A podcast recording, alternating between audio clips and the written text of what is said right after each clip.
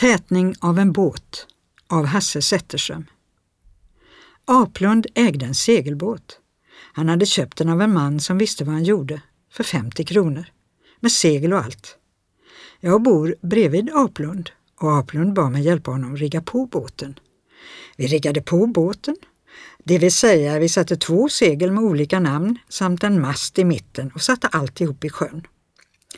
En erfaren sjöman skulle först ha satt båten i sjön och sedan riggat på den, men det har alltid legat något originellt över Aplund.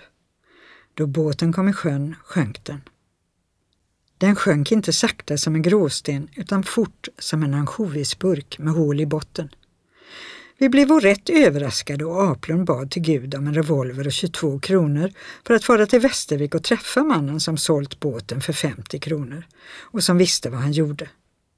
Vi tog där på en grogg och övertalade en på platsen bosatt yngling att dra upp båten på land. Vi reste därpå in till staden, skötte affärer, gingo på cirkus och kristallsalongen och träffade personer.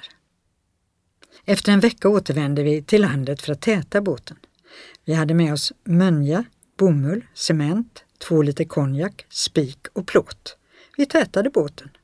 Vi stoppade först bomull i alla hål, sedan mönja, sedan cement, sedan bäck, sedan kära och sedan plåt. Därpå sattes allt sammans i sjön. Därpå sjönk allt sammans. Vi gingo upp och tog en grogg och tillsade ynglingen, som var bosatt på platsen, att dra upp båten. Varpå vi ånyo reste till staden, gingo på cirkus och kristallsalongen och träffade personer. Efter en vecka återvände vi till landet i sällskap med en främmande herre i krage och manschetter. Båten stod uppdragen på land med segel och allt.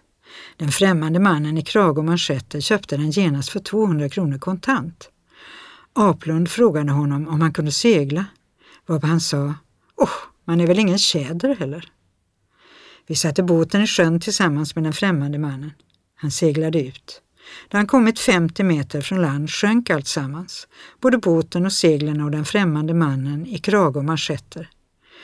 Vi stod en stund och såg efter att den var riktigt sjunken, varpå vi gingo upp och tog en grogg och tillsade ynglingen som var bosatt på platsen att denna kväll behövde han ej dra upp båten. Det var en ganska härlig afton, men myggen besvärade oss mycket. Myggorna har i år varit ganska svåra. De har icke på många år varit så svåra. Men vi ska hoppas att det blir bättre. I alla händelser har jag telefonerat till staden efter en kortlek. Det är inte bra att Aplund går och bär så mycket pengar på sig.